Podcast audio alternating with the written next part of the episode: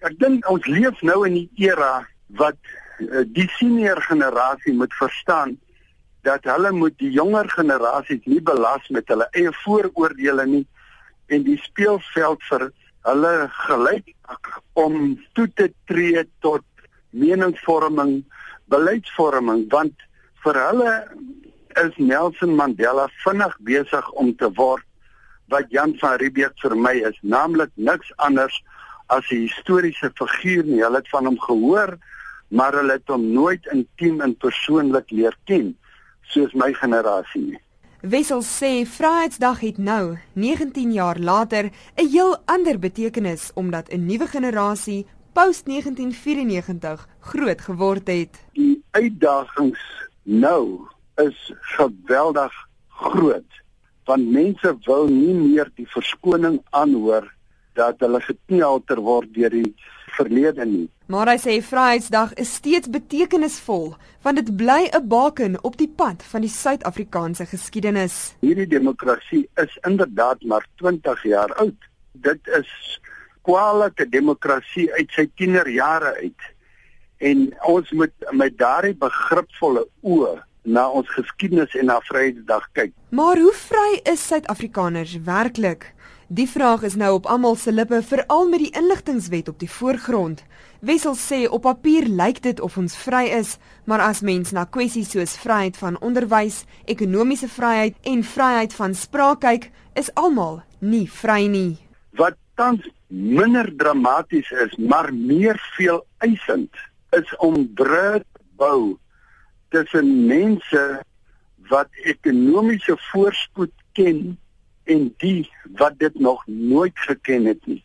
Almal is in terme van onderwysgeleenthede, werkgeleenthede, ekonomiese potensiaal beslis nog nie gelyk nie.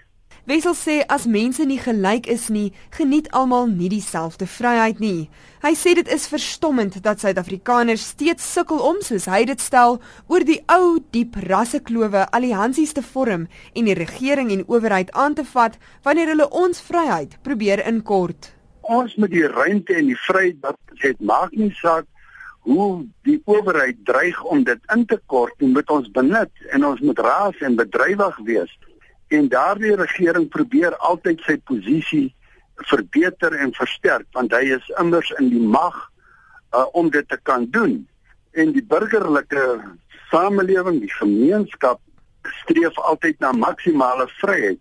En daarom is daar hierdie inherente botsing tussen die owerheid wat 'n um, magte wil inpalm en die samelewing wat hulle nie wil toelaat om dit te doen nie Die amptelike Vryheidsdagvieringe is môre by die Unie gebou in Pretoria en verskuif dan van daar na die presidensiële gastehuis. Ek voel glad nie vry nie met al die belastinggoeders wat mense nou moet betaal. Dit gaan oor ekonomiese vryheid. Vryheid het baie te doen met jou as mens.